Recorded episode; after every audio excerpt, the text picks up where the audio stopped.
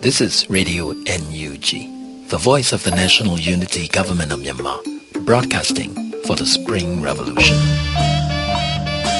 Radio NUG is transmitting from shortwave 16 meter, 17.710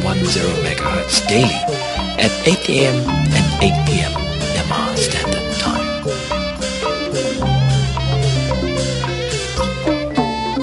မင်္ဂလာပါခင်ဗျာအမျိုးသားညီညွတ်ရေးအစိုးရရဲ့အသံလွှင့်ဌာနက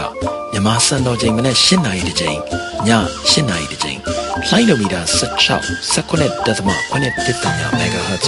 နေ့စဉ်အသံလွှင့်ပေးနေပါပြီမြန်မာနိုင်ငံသူနိုင်ငံသားများမင်္ဂလာအပေါင်းနဲ့ပြည့်စုံကြပါစေခုချိန်ကစပြီး Radio NUG အစီအစဉ်လေးကိုဓာတ်ရိုက်အသံလွှင့်ပေးနေပါပြီ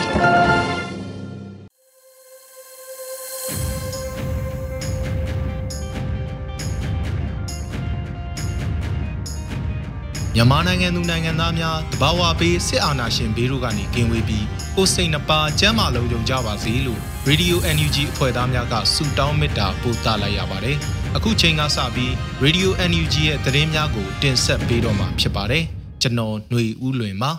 ။အခုပထမဆုံးအနေနဲ့ပြည်သူလူထုရဲ့တော်လှန်ရေးစိတ်ကြောင့်အကြမ်းဖက်စစ်ကောင်စီရဲ့အောင်ပါလေးထီဟာအဆုံးသတ်သွားပြီဖြစ်ကြောင်းမြို့သားညီညွတ်ရေးအစိုးရရဲ့စီမံကိန်း ဗန္ဒာရေးနဲ့ယင်းနှိမ့်မြုံနယ်မှုဝန်ကြီးဌာနပြည်ထောင်စုဝန်ကြီးဦးတင်ထွန်းနိုင်ကပြောဆိုခဲ့တဲ့သတင်းကိုတင်ဆက်ပေးမှာဖြစ်ပါတယ်။အောင်ပါလေးထီကိုတပိတ်မှောက်တာဟာပြည်သူတွေရဲ့တော်လှန်ရေးစိတ်ကြောင့်ဖြစ်တယ်လို့စုချင်းနေတဲ့ຫນွေဦးထီကိုပြည်သူတွေကထိုးနေတာဟာလေတော်လှန်ရေးစိတ်ကြောင့်ဖြစ်တယ်လို့အမျိုးသားညီညွတ်ရေးအစိုးရ NUG ရဲ့စီမံကိန်းဗန္ဒာရေးနဲ့ယင်းနှိမ့်မြုံနယ်မှုဝန်ကြီးဌာနပြည်ထောင်စုဝန်ကြီးဦးတင်ထွန်းနိုင်ကပြောဆိုပါတယ်။ဩဂုတ်24ရက်နေ့ကပြုလုပ်ခဲ့တဲ့အမျိုးသားညီညွတ်ရေးအစိုးရရဲ့သတင်းစာရှင်းလင်းပွဲမှာပြည်ထောင်စုဝန်ကြီးကအခုလိုပြောဆိုခဲ့တာပါ။ အောက်ပါလီတီကိုပြည်သူများဘက်ကတပိတ်မှောက်လိုက်တာဟာတော်လန်ရေးစိတ်နဲ့တပိတ်မှောက်လိုက်တာဖြစ်တယ်။အောင်လန်လွင့်ချီຫນွေဦးထီကိုတိန်းတောင်းချီဆိုတဲ့စုမဲများမလုံးများမပါဘဲနဲ့တီတစောင်း2000ထိုးတာဟာလေပြည်သူရဲ့တော်လန်ရေးစိတ်နဲ့ထိုးတာဖြစ်ပါတယ်။ပြည်သူတွေရဲ့တော်လန်ရေးစိတ်တဲ့ရှင်သန်နေသမျှကာလပတ်လုံးအောင်ပါလီတီတီဘယ်တော့မှပြန်လာတော့မှာမဟုတ်ပါဘူးလို့ဝန်ကြီးကပြောပါတယ်။စစ်ကောင်စီအနေနဲ့စုကြီးတွေဘလို့ပေးမယ်လို့ပြောပြော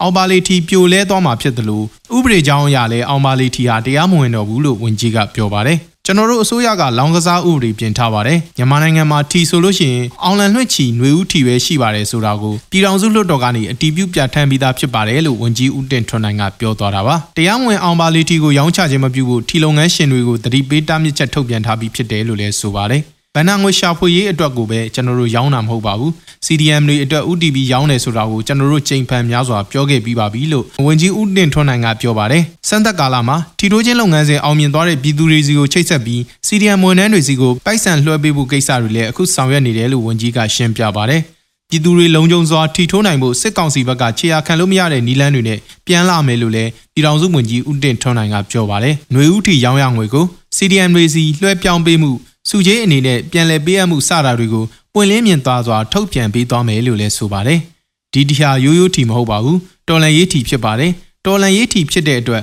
တော်လန်ရေးစိတ်နဲ့ပြည်သူကနေဆက်လက်ပြီးတော့ပူပေါင်းပါဝင်နေသမျှကာလပတ်လုံးကျွန်တော်တို့နဲ့ပြည်သူကြားတဲ့ကိုစစ်ကောင်စီကဝင်ရောက်နှောက်ယှက်လို့ရနိုင်မှာမဟုတ်ပါဘူးလို့ဦးတေထွန်းနိုင်ကပြောကြားသွားခဲ့တာပါ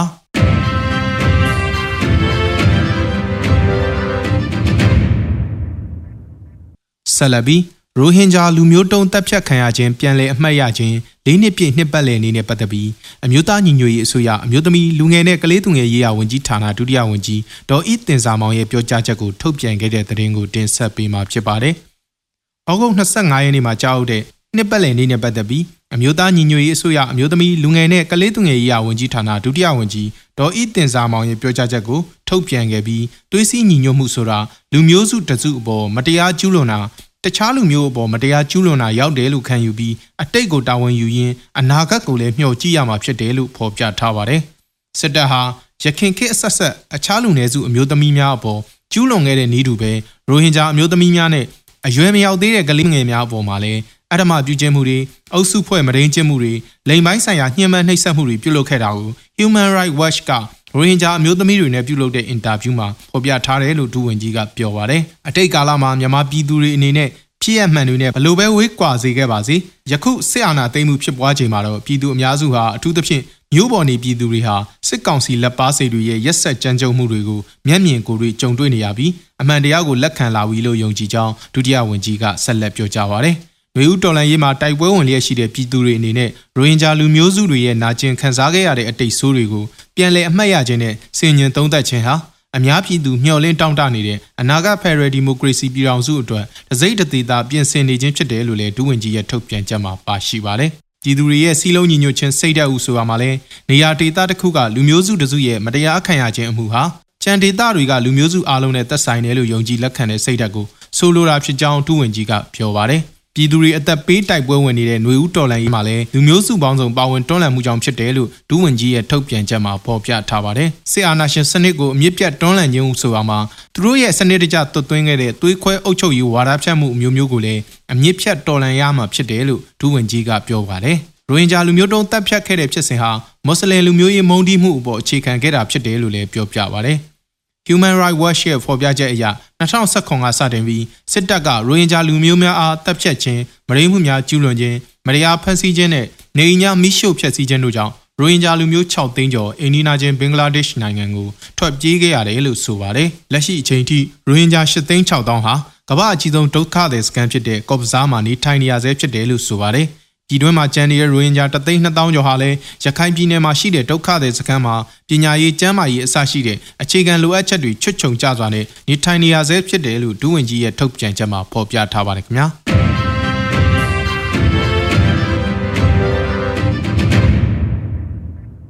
အခုနောက်ဆုံးအနေနဲ့တက်တဲ့ရဲတပ်ဖွဲ့ဝင် CDM သမားများရန်ပုံငွေအတွက်မေးလို့ရမေးဖရဲသည့်ပဖေးအစီအစဉ်ကိုပြည်သူ့ရင်ခွင်အဖွဲ့ကစီစဉ်ဆောင်ရွက်နေတဲ့သတင်းကိုတင်ဆက်ပေးပါမယ်။ ပြည်သူ့ရင်ခွင်အဖွဲ့ကတက်တဲ့ရဲတပ်ဖွဲ့ဝင် CDN တွေနဲ့ပတ်သက်ပြီးသိကျင်တဲ့မေးခွန်းတွေကိုမေးမြန်းနိုင်မယ်မေးလို့ရမေးဖျဲသီးဖဖေးအစီအစဉ်ကိုစတင်တော့မယ်လို့သူတို့ရဲ့လူမှုကွန်ရက်စာမျက်နှာဖြစ်တဲ့ facebook.com/peoplesembrace မှာကြေညာလာတာတွေ့ရပါတယ်ဒီအစီအစဉ်ကတော့တက်တဲ့ရဲတပ်ဖွဲ့ဝင် CDM တွေနဲ့ပတ်သက်ပြီးကိုသိကျင်တဲ့အကြောင်းအရာတွေကိုမေးခွန်းရမှာပါ တက်တဲ့ရဲ CDM သမားတွေရဲ့အင်တာဗျူးတွေကိုကြည့်တဲ့အခါတိုင်းဒါလေးတော့မေးချင်လိုက်တာသိချင်လိုက်တာဆိုတဲ့သူတွေနဲ့တိုက်ရိုက်မိတိုက်ရိုက်သိလို့ရပါပြီဒါပေမဲ့အလကားတော့မဟုတ်ပါဘူးမေးချင်တဲ့သူအမေရိကန်ဒေါ်လာ9ဒေါ်လာအသုံးပြုပြီးတလစာအစီအစဉ်ရယူပြီးမေးနိုင်ပါတယ်တလမှာ Zoom session ၄ချိန်ရှိမှဖြစ်ပြီးလက်မှတ်ရောင်းရငွေတွေအားလုံးကိုတက်နဲ့ရဲတွေရဲ့ CDM ကူညီထောက်ပံ့ရေးမှာအသုံးပြုသွားမှာဖြစ်ပြီးအားလုံးရဲ့လုံခြုံရေးအတွက်ပေးပတစ်မျိုးတည်းနဲ့ဝယ်ယူရရှိမယ်လို့ဆိုပါတယ် လက်မှတ်ဝယ်ယူခြင်းတဲ့သူတွေအနေနဲ့ကတော့ပြည်သူရင်ခွင် People's Embrace လူမှုကွန်ရက်စာမျက်နှာမှာဖြစ်စေ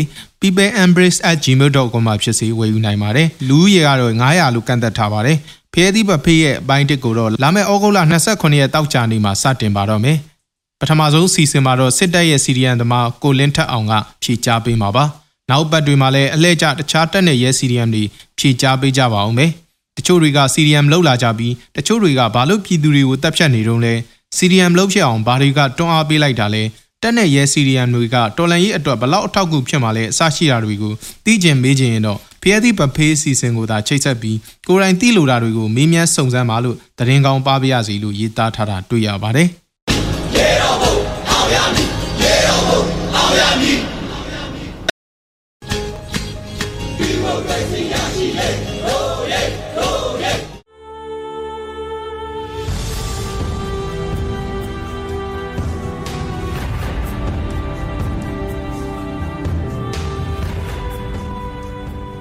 PDF မှာအဓိကဘယ်လိုတွေပါဝင်လဲဆိုလို့ချင်းကျွန်တော်တို့လူငယ်အများစုနဲ့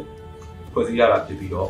ဒီ PDF ကလည်းဘာကြောင့်ပေါ်ပေါက်လာလဲဆိုတော့ရှင်ကျွန်တော်တို့စစ်အာဏာသိမ်းမှုအပေါ်မှာမှလက်မခံခြင်းတဲ့အတွက်ကြောင့်ကျွန်တော်တို့ပြည်သူ့ကာကွယ်ရေးတပ်မတော်ဆိုပြီးတော့ PDF ဆိုပြီးတော့ဖွဲ့စည်းကြတဲ့အဖွဲ့အစည်းဖြစ်လာပါတယ်အဓိကတော့ဒီ PDF ပေါ်ပေါက်လာခြင်းအကြောင်းရင်းကတော့ဒီဆက်အနာသိမှုလက်မခံခြင်းလို့ပေါ်လာခြင်းဖြစ်ပါတယ် PDF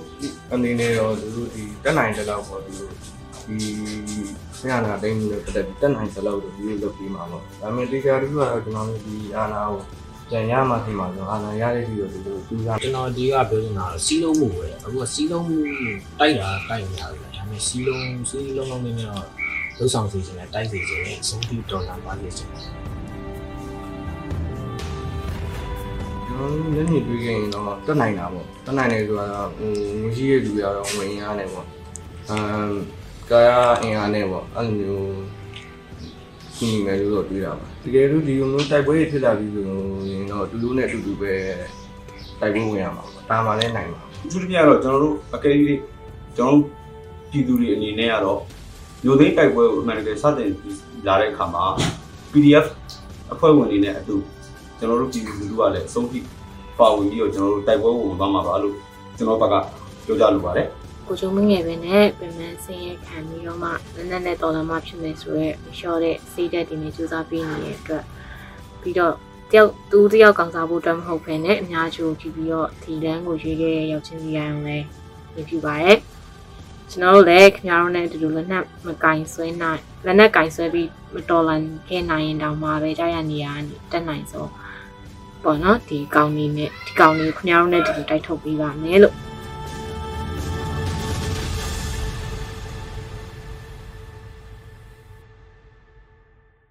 ဒီတော်လှန်ရေးအောင်မြင်ဖို့ရ PDF ဖွဲ့ရတအားအရေးကြီးပါတယ်ရှင်အဲကျွန်တော်တို့တအားပဲဝမ်းမြောက်ဝမ်းပါကြိုးဆိုပါတယ်ရှင်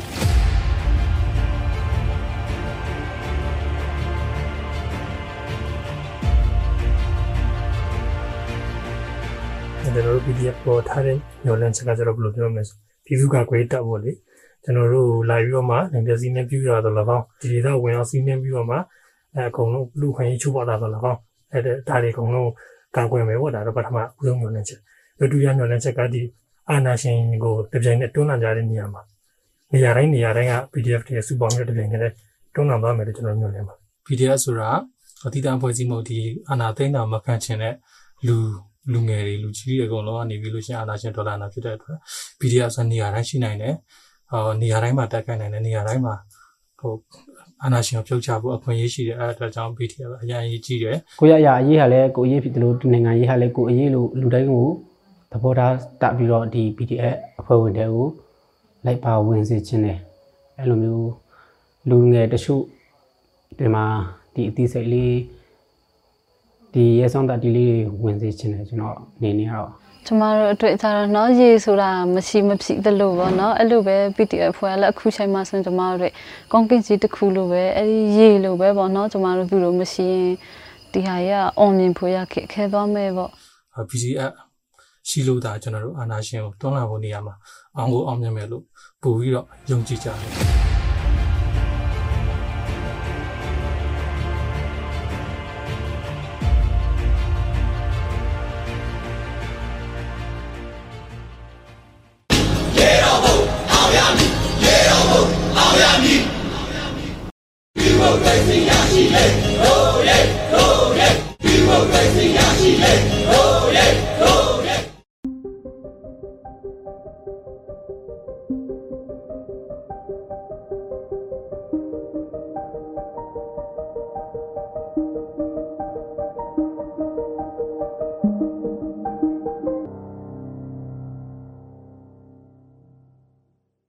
တော်လိုင်းကာလာ digital လိထားများစီစဉ်ကနေအားလုံးကိုပြန်လည်ကြိုဆိုလိုက်ပါရယ်မြန်မာနိုင်ငံသူနိုင်ငံသားအပေါင်းမင်္ဂလာပေါင်းနဲ့ပြည့်စုံတဲ့နေ့ရက်တွေကိုအမြတ်ဆုံးပြန်လည်ပိုင်ဆိုင်နိုင်ကြပါစေကြောင်းတော်လိုင်းကာလာ digital လိထားများစီစဉ်ကဝိုင်းတော်သားတွေကဆုတောင်းမြတ်တာပို့သလိုက်ပါရယ်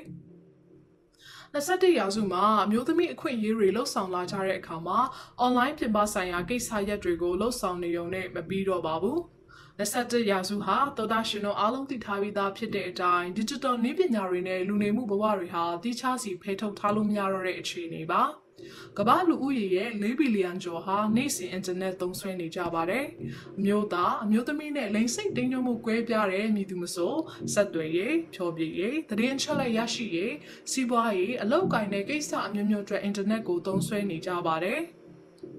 ဒီတော့ digital ရဝန်တွင် digital ဆိုင်ရာလွတ်လပ်ခွင့်အကြောင်းတွေကိုပြောဆိုလာကြတဲ့အခါမှာအမျိုးသမီးတွေရဲ့ digital အခွင့်အရေးဆိုင်ရာပြဿနာတွေကဘာတွေလဲဆိုတာကိုထည့်သွင်းစဉ်းစားဖို့လိုလာပါပြီ။ ဒီလို digital ရဝန်းတွင်အမျိုးသမီးများရဲ့အခွင့်အရေးဆိုင်ရာချိတ်ဆက်သက်ရောက်မှုတွေကိုသတိပြုလေ့လာရမယ်အပြင် online ရဝန်းတွင်အမျိုးသမီးတွေရဲ့အခွင့်အရေးကိုကာကွယ်မြင့်တင်နိုင်ရင်အတွက်ကိုပါထည့်သွင်းစဉ်းစားရမှာပဲဖြစ်ပါတယ်။အဲ့လိုဆိုတော့ access လို့ခေါ်တဲ့နည်းပညာတန်းတူလလန်းမီသုံးစွဲနိုင်ခွင့်ရရှိရေးဟာအမျိုးသမီးတွေအတွက်အင်မတန်မှအရေးကြီးပါတယ်။အာရှနဲ့အာဖရိကဘက်မှာလှုပ်ဆောင်ခဲ့တဲ့ ITU ရဲ့လေ့လာချက်တွေအရအမျိုးသားတွေဟာအမျိုးသမီးတွေထက် online ပုံမှုသုံးစွဲခွင့်ရတယ်လို့ဆိုထားပါတယ်။ယနေ့ကာလဖွံ့ဖြိုးဆဲနိုင်ငံတွေမှာနေထိုင်ကြတဲ့တန်း600လောက်ကအင်တာနက်သုံးစွဲနေကြတယ်လို့ဆိုပေမဲ့ဒါဒီပင်လည်းအမျိုးသားများရဲ့သုံးစွဲမှုထက်25ရာခိုင်နှုန်းနည်းနေသေးတယ်လို့သူတည်သူတွေကဆိုပါတယ်။ GSMA ရဲ့2020ခုနှစ် report တစ်ခုမှာမြန်မာနိုင်ငံမှာရှိတဲ့အမျိုးသမီးတွေက mobile phone ပိုင်ဆိုင်မှုတွေဟာအမျိုးသားတွေထက်14ရာခိုင်နှုန်းနေနေပြီး internet သုံးစွဲမှုမှာ30ရာခိုင်နှုန်းအထိတောင်ကွာဟမှုရှိတယ်လို့ဆိုထားပါတယ်။စားဝတ်နေရေး၊ကျန်းမာရေး၊အလုပ်ကိုင်နဲ့ပညာရေးဆိုင်ရာအခွင့်အလမ်းများစွာအတွက် internet လက်လန်းမီသုံးစွဲနိုင်မှုကအင်မတန်မှအရေးကြီးလာပါတယ်။ဤပညာလက်လန်းမီမှုကိုစဉ်းစားကြတဲ့အခါမှာအများစုကဤပညာဆိုင်ရာအခြေခံစောက်အောင်မလုံလောက်မှုပေါ်မှာမူတည်ပြီးစဉ်းစားကြပါတယ်။အမျိုးသမီးတွေအတွက်ဤပညာလက်လန်းမီမှုကိုစဉ်းစားတဲ့အခါမှာတော့လူမှုရေးနဲ့ယဉ်ကျေးမှုဆိုင်ရာရှုထောင့်တွေကိုပါထည့်သွင်းဖြည့်ဆွတ်စဉ်းစားရမှာပဲဖြစ်ပါတယ်။အိန္ဒိယနိုင်ငံရဲ့ရွာတရွာမှာအမျိုးသမီးတွေရဲ့ mobile phone သုံးစွဲခွင့်ကိုပိတ်ပင်ထားတာမျိုးရှိသလိုပါကစ္စတန်နိုင်ငံကရာချီမှာလည်း16နှစ်ရွယ်အမျိုးသမီးငယ်လေးက mobile phone ကိုအစိုးဘက်တွင်အသုံးပြုတယ်လို့ဆိုကမိသားစုဝင်ချင်းချင်းတပ်ဖြတ်ခဲ့တဲ့တာရကတွေလည်းရှိပါသေးတယ်။ ဒီလိုလူမှုရေးနဲ့ယဉ်ကျေးမှုဆိုင်ရာပြဿနာတွေကလည်းအမျိုးသမီးများနီးပညာတန်းတူလက်လန်းမီသုံးဆွဲနိုင်ခွင့်အတွက်စိန်ခေါ်မှုတွေပဲဖြစ်ပါတယ်။ဒီလိုနီးပညာတန်းတူလက်လန်းမီသုံးဆွဲနိုင်ခွင့်ကိုရရှိမှသာအမျိုးသမီးများအနေနဲ့အများပြည်သူနဲ့ဆိုင်တဲ့ကိစ္စရပ်တွေမှာတက်ကြွစွာပါဝင်လာနိုင်မှာပဲဖြစ်ပါတယ်။ digital နည်းပညာဟာအများပြည်သူနဲ့ထိထွေးချိတ်ဆက်ဆောင်ရွက်ရတဲ့ကိစ္စတွေမှာကြားမှကွဲပြားမှုကိုဂရုမစိုက်ပဲအားလုံးကိုပါဝင်ခွင့်ရရှိအောင်ဖန်တီးပေးနိုင်တဲ့ပုံစံသစ်တစ်ခုပဲဖြစ်ပါတယ်။ 2019ခုနှစ်ရုပ်ရှင်ထုတ်လုပ်သူ Harvey Weinstein ရဲ့လိင်ပိုင်းဆိုင်ရာကျူးလွန်မှုဆွဆွဲချက်များနဲ့ပတ်သက်ပြီးအစီရင်ခံစာထွက်ပေါ်လာပြီးခဲ့တဲ့နှစ်ပတ်တာကာလအတွင်းမှာနိုင်ငံပေါင်း85နိုင်ငံကျော်ကအမျိုးသားအမျိုးသမီးပေါင်း1.8သန်းကျော်ဟာလိင်ပိုင်းဆိုင်ရာစော်ကားအနိုင်ကျင့်မှုကျူးလွန်မှုများကိုဆန့်ကျင်တဲ့ Me Too campaign တစ်ခုကိုလှုပ်ဆောင်ခဲ့ကြပါတယ်။ ဒီကမ်ပိန်းမှာကမ္ဘာတဝန်းလုံးမှာရှိတဲ့အမျိုးသမီးများစွာက #MeToo ကိုအသုံးပြုပြီး၎င်းတို့ကြုံတွေ့ခဲ့ရတဲ့လိင်ပိုင်းဆိုင်ရာစော်ကားခံရမှုပြဿနာတွေကိုဖော်ထုတ်ပြီးထိုပြဿနာတွေရဲ့ကျေပြန့်နေမှုကိုကမ္ဘာကြီးကပိုအာရုံစိုက်လာနိုင်အောင်လှုံ့ဆော်နိုင်ခဲ့ခြင်းဟာအမျိုးသမီးများအနေနဲ့အများပြည်သူဆိုင်ရာကိစ္စရပ်များမှာပါဝင်ခွင့်ရရှိရေးဟာလည်းတိတ်ကိုအရေးကြီးတယ်ဆိုတဲ့ဥပမာကောင်းတစ်ခုပဲဖြစ်ပါတယ်။ ဒါအပြင် digital နည်းပညာနဲ့စီးပွားရေးဆိုင်ရာချိတ်ဆက်မှုတွေကအလုံးမင်းခိုင်မြဲသွားတဲ့ကာလမှာတော့အမျိုးသမီးများရဲ့စီးပွားရေးကဏ္ဍပါဝင်ခွင့်ရရှိရေးဆိုင်ရာစဉ်းစားချက်များဟာလည်းလိလူရှုခဲ့လို့မရပါဘူး digital ခေတ်မတိုင်မီကအမျိုးသမီးများအနေနဲ့လုပ်ငန်းခွင်အတွင်းလူမှုရေးနဲ့လိမ်ပိုင်းဆိုင်ရာလုံခြုံရေးကိစ္စများလောက်ခလာစာနဲ့အခွင့်အရေးရရှိမှုမတူညီမှုများစတဲ့ပြဿနာတွေကိုကြုံတွေ့ခဲ့ရသလို digital ရဝန်းတွင်းမှာလည်းကြုံတွေ့နေကြရတယ်လို့ဆိုပါတယ်အမျိုးသမီး28ရာခိုင်နှုန်းသာကွန်ပျူတာပညာဘွဲ့အတွက်တက်ရောက်သင်ကြားနေတာဖြစ်ပြီးကွန်ပျူတာနဲ့ဆက်နွယ်တဲ့လုပ်ငန်းတွေမှာ25ရာခိုင်နှုန်းသာရှိကဤပညာဆိုင်ရာလုပ်ငန်းခွင်မှာအမျိုးသားများချက်ဝင်ငွေလျော့နေနေကြပြီးခေါင်းဆောင်မှုနေရာများတွင်လည်းအနေငယ်သာနေရာရသည်ကိုတွေ့ရတယ်လို့လေ့လာမှုတစ်ခုကဖော်ပြထားပါတယ်။ ဒါအပြင်ယဉ်ကျေးမှုဆိုင်ရာပြဿနာများအလောက်ကန်အခွင့်အလမ်းဆိုင်ရာကန့်သတ်ချက်များကြောင့်အမျိုးသားများပေါ်မိခိုနေရမှုများကလည်းဒီပြဿနာကိုဖြေရှင်းရမှာထည့်သွင်းသုံးသပ်ရမယ့်အခြေခံအချက်များပဲဖြစ်နေပါသေးတယ်။ ထိုပြဿနာတွေအပါအဝင်အမျိုးသမီးများအနေနဲ့ရင်ဆိုင်နေရတဲ့အခြားသောပြဿနာများစွာလည်းရှိပါသေးတယ်။အဲ့ဒါတွေက online မှာနောက်ယောင်ခံခြင်းအနိုင်ကျင့်ခြင်းချင်းချောက်ခြင်း blackmail အသုံးပြုခြင်းလိမ်မိုင်းဆိုင်ရာနောက်ဆက်စော်ကားခြင်းခွင့်ပြုချက်မရှိဘဲဓာတ်ပုံဗီဒီယိုဖိုင်အသံဖိုင်များအားရယူခြင်းဒါမှမဟုတ် internet ပေါ်မှာဖြန့်ဖြူးခြင်းခွင့်ပြုချက်မရှိဘဲကိုရေးကိုယ်တာအချက်လက်များကိုရယူခြင်းသို့မဟုတ်ဖြန့်ဖြူးခြင်း ဓာတ်ပုံများသို့မဟုတ်ဗီဒီယိုဖိုင်များကိုညဉ့်ဉန်း website များတွင်တင်ခြင်းဖြန့်ဖြူးခြင်း profile များကိုအထူးလုပ်ခြင်းနဲ့အချက်လက်များကိုပုံစံမျိုးစုံနဲ့ခိုးယူခြင်း mob attack များပြုလုပ်ခြင်းကိုရေးကိုယ်တာအချက်လက်များကိုရှာဖွေဖြန့်ဖြူးခြင်းစတဲ့ပြဿနာပေါင်းများစွာဟာလည်း digital ရဝန်းတွင်ကျင်လည်လှုပ်ရှားနေကြတဲ့အမျိုးသမီးတို့ကြီးတွေ့ကြုံနေရတဲ့ပြဿနာများပဲဖြစ်နေပါသေးတယ်။ ဒါကြောင့် digital အခွင့်အရေးဆိုင်ရာကိစ္စရပ်များနဲ့ digital လုံခြုံရေးဆိုင်ရာကိစ္စရပ်များကိုစဉ်းစားကြတဲ့အခါမှာအမျိုးသမီးများရင်ဆိုင်ကြုံတွေ့နေရတဲ့အခြေအနေအကြောင်းအရာများကိုပါဖြည့်ဆွတ်စဉ်းစားပြီးကာကွယ်မြင့်တင်ပေးနိုင်မှသာလေကောင်းမွန်တဲ့ digital အခွင့်အရေးဆိုင်ရာရရှိမှုများကိုပြည့်ဝစွာဖန်တီးပေးနိုင်ပါမယ်လို့ပြောကြားရင်းနဲ့ပဲနောက်ပတ်များမှာလည်းတော်လိုင်းကာလာ digital လိထများစီစဉ်ကနေဘလို့အကြောင်းအရာတွေကိုဆက်လက်တင်ဆက်ပေးအောင်လဲဆိုတာကိုစောင့်မျှော်နာတော်တာဆင်ပေးကြပါအောင်ရှင် ရေတော်ဘုံအောင်ရမည်ရေတော်ဘုံအောင်ရမည်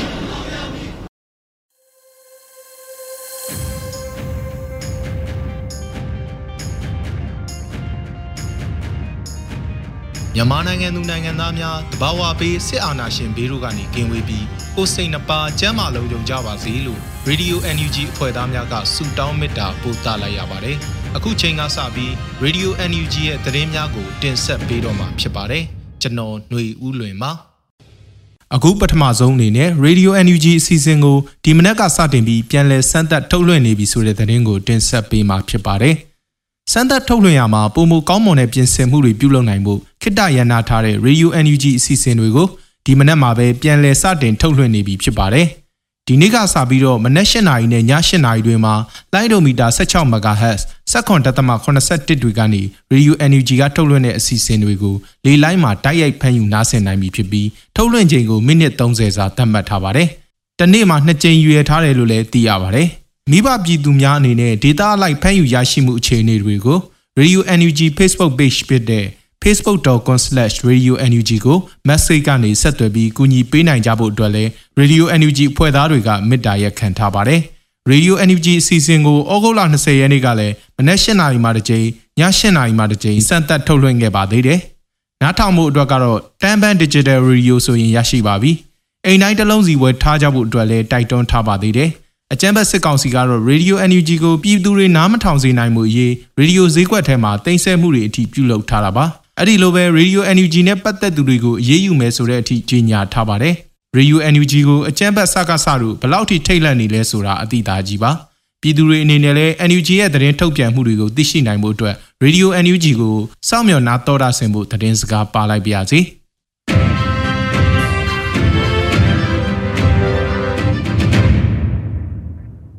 ဆက်လက် ပြီးပြည်သူ့အစိုးရ NUG နဲ့စင်ဆက်မပြတ်ဆက်သွယ်ပြီးမြန်မာဒီမိုကရေစီပြန်လည်ရရှိရေးအတွက်ကြိုးပမ်းသွားမယ်လို့တောင်ကိုရီးယားအစိုးရသမ္မတရုံးကပြန်ကြားစာပေးပို့ခဲ့တဲ့သတင်းကိုတင်ဆက်ပေးမှာဖြစ်ပါတယ်။တောင်ကိုရီးယားအစိုးရရဲ့သမ္မတရုံးစာမျက်နှာမှာပြည်သူ့အစိုးရ NUG ကိုတရားဝင်အတိအမှတ်ပြုလက်ခံပေးရန်တောင်းဆိုမှုကိုဇူလိုင်လ9ရက်နေ့ကနေဩဂုတ်လ4ရက်နေ့အထိတလတာပြုလုပ်ခဲ့ရာတောင်ကိုရီးယားနိုင်ငံသားတွေနဲ့မြန်မာနိုင်ငံသားတွေစုစုပေါင်း2,600ကျော်2,668,428ဦးပါဝင်တောင်းဆိုခဲ့ကြတာပါ။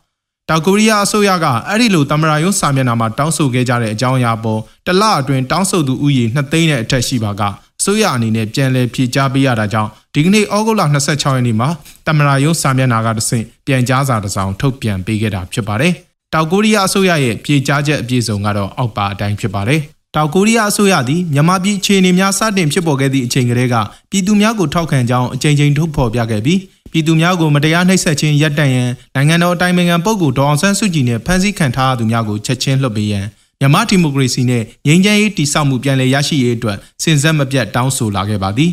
ပြည်ခဲ့သည့်မက်လာတွင်လည်းမြန်မာပြည်နှင့်နိုင်ငံတော်ကာကွယ်ရေးလုံခြုံရေးကဏ္ဍများတွင်ပူးပေါင်းဖလှယ်မှုအသစ်များရပ်တန့်ခြင်းစစ်ဘက်သုံးဆိုင်ရာပစ္စည်းများတင်ပို့ခြင်းအားခွင့်မပြုခြင်းမြန်မာပြည် ODA project များပြန်လည်စည်းစိမ်ခြင်းနှင့်တောင်ကိုရီးယားနိုင်ငံအတွင်းကနေမြန်မာနိုင်ငံသားများအားလူသားချင်းစာနာတဲ့အထူးနေထိုင်ခွင့်ပေးခြင်းတို့အားထုတ်ပြန်ခဲ့ပါသည်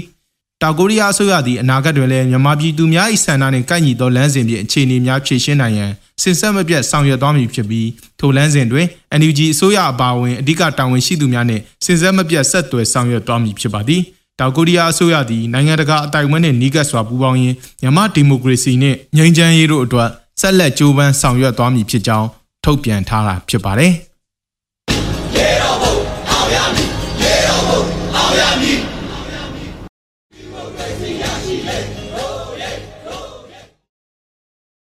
လမ်းငယ်လိုက်ငယ်ချင်းရင်ထဲမှာမဲလဲမတရားကိုချစ်တယ်ဆိုတာငါတို့သိတယ်စောက်တော်နဲ့ငယ်ချင်းကြောင်လွယ်ရဲမင်းဖြစ်ကြောင်နေချင်းငါတို့အခါသာသိရလိမ့်မယ်သူတို့ထောက်တာမတရားတဲ့ဥပဒေငါတို့လိုက်နာစရာမလိုဘူးလေ အာဓမတရားနဲ့ချက်ကိုင်မှုကိုငါတို့ညှင်းဆန်ရဲ့ငါတို့ဟာဒီသူရင်သွေးကိုတင်ချပေးဖို့အာနာယူလို့လို့ကြအောင်လို့စေဖို့မဟုတ်ဘူးငါတို့ဟာတိုင်းပြည်တည်ဆောက်ကြဖို့စစ်ဘလူး လို့ချုပ်ထားတိုင်းနဲ့အောင်လို့ဖို့မဟုတ်ဘူးငါတို့အားလုံးရဲ့ရင်စံလလုံးကဒီသူဝင်နေ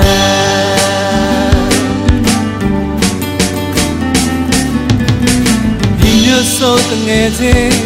ငါတို့တွေကွဲလွဲလို့ဒီအာနာရှင်တာအချိန်ချင်းဆွဲခဲ့ပြီ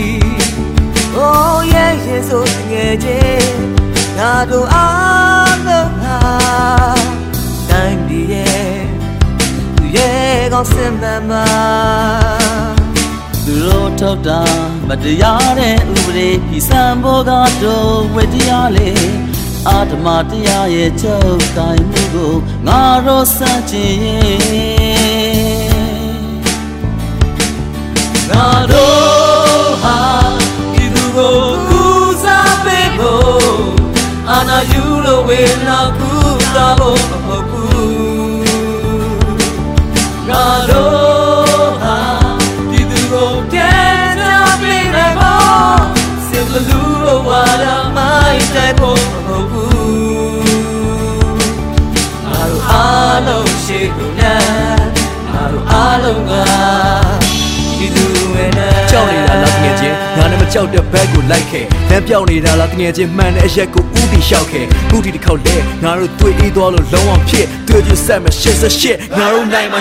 21အတန်လည်းတက်လမ်းလည်းလိတ်လည်းတီးစပင်းကအန်လည်းချိတ်မင်းစုံမင်းညပရင်တက်ဖြစ်ရင်ပိုကနေဆိုတော့ကမန်စိတ်ကြည်စဲနေမိကုန်ငွေတွေနဲ့လက်စိုးတွေဝိုင်းပြီးရက်နေလဲဒီຫນွေဥတော်လန်ရေးမှာပေးရပြဲအန်ကိုချိန်နေစေ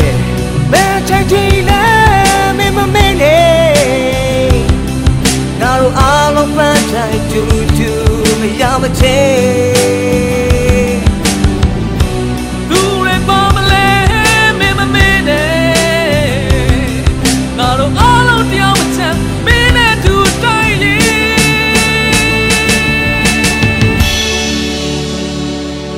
ငါတို့ဟာပြည်သူရဲ့သွေးကိုတင်ချပေးဖို့အာနာယူလို့လို့ချအောင်တော့စေဖို့မဟုတ်ဘူး ငါတို့ဟာတိုင်းပြည်တည်ဆောက်ကြဖို့စစ်ဘလူးတို့ချုပ်တောင်ခိုင်နေအောင်လုပ်ဖို့မဟုတ်ဘူးငါတို့ဟာဒီသူကိုဝန်ဆောင်ပေးဖို့အာနာယူလို့လို့ချဆောင်ရဖို့မဟုတ်ဘူး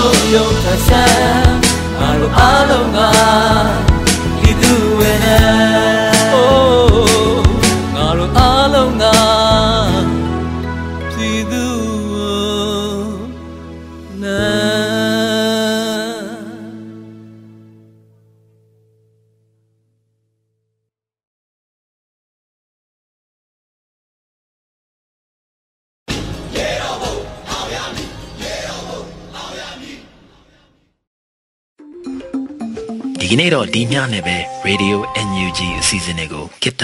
ရန်နာလိုက်ပါမယ်မြန်မာစံတော်ချိန်မနေ့၈နာရီညနေ၈နာရီတို့မှာပြန်လည်တွေ့ဆုံကြပါစို့လိုင်းဒိုမီတာ16 19တက်သမ9တက်ဆုံည MHz မှာဖမ်းယူနားဆင်နိုင်ပါတယ်မြန်မာနိုင်ငံသူနိုင်ငံသားများကိုယ်စိတ်နှပြချမ်းမာချမ်းသာလို့ဘေးကင်းလုံခြုံကြပါစေလို့ Radio NUG အဖွဲ့သူအဖွဲ့သားများဆုတောင်းပေးလိုက်ပါတယ်